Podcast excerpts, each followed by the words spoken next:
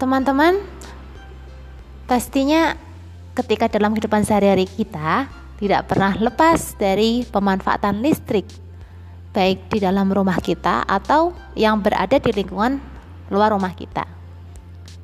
Ketika di rumah, di ruang tamu, kita bisa perhatikan ada berapa alat-alat yang kemudian atau barang-barang yang menggunakan energi listrik. Luar biasa ketika kalian kemarin telah banyak menyebutkan benda-benda di sekitar kalian yang memanfaatkan energi listrik dan bagaimana wujud kewajiban kita, hak kita dan bagaimana mengapa kemudian kita perlu bertanggung jawab atas hal-hal tersebut. Alhamdulillah hal tersebut sudah kalian tuliskan dalam kegiatan pendalaman tema 3 subtema 1 di pertemuan yang sebelumnya. Benda-benda tadi yang memanfaatkan energi listrik tidak akan berfungsi tanpa adanya rangkaian listrik di dalamnya. Rangkaian listrik sendiri terdiri dari rangkaian terbuka dan tertutup, teman-teman. Rangkaian terbuka terjadi jika salah satu komponen rangkaian itu tidak terhubung Sedangkan rangkaian tertutup terjadi jika semua komponen saling terhubung. Dalam rangkaian listrik ini bisa kita ibaratkan seperti sebuah e, dua daerah yang kemudian dihubungkan oleh jembatan. Ketika jembatan itu tidak terhubung, maka kita tidak bisa melewati ber atau berpindah ke daerah yang lain. Tahukah kalian? Tadi disebutkan ada komponen listrik. Komponen listrik itu apa saja ya?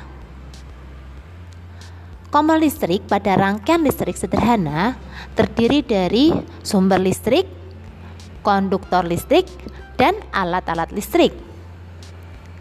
Sumber listrik yang sering kita gunakan bersumber dari listrik yang diolah oleh PLN, atau kita juga bisa menggunakan dari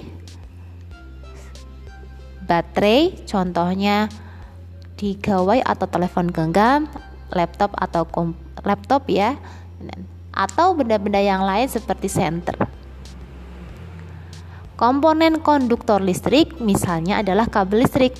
Konduktor artinya benda-benda yang dapat menghantarkan. Dalam hal ini adalah menghantarkan listrik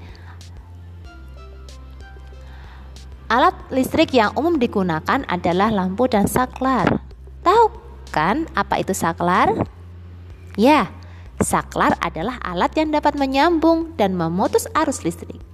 Biasanya bisa kalian temui di dinding rumah kalian.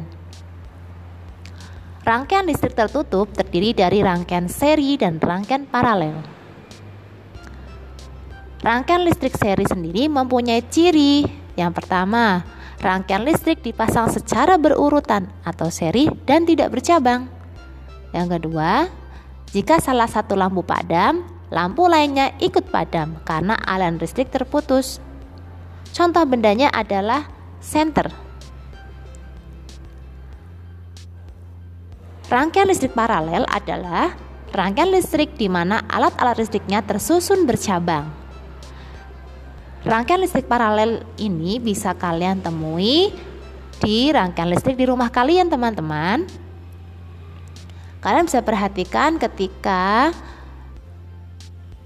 uh, rangkaian listrik yang ada di ruang tamu, ruang keluarga, ruang kamar tidur, gitu.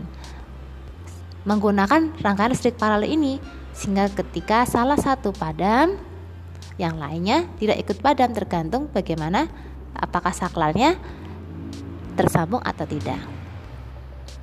Oke, sekarang agar kalian lebih memahami, kalian bisa menuliskan di buku tulis kalian masing-masing. Yang pertama, apa perbedaan rangkaian seri dan rangkaian paralel? Yang kedua, gambarlah contoh rangkaian seri dan contoh rangkaian paralel masing-masing ya. Kemudian Tulislah apa yang terjadi jika salah satu lampu pada rangkaian tersebut padam.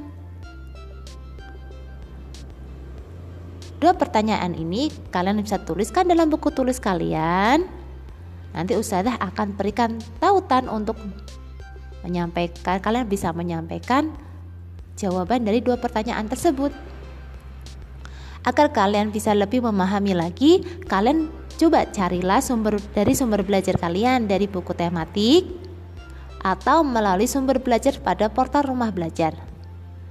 Kalian buka bisa buka peramban kalian dan ketikan belajar.kemdikbud.go.id. Lalu cari dengan masukkan kata kunci rangkaian listrik. Itu semangat belajar teman-teman. Wassalamualaikum warahmatullahi wabarakatuh.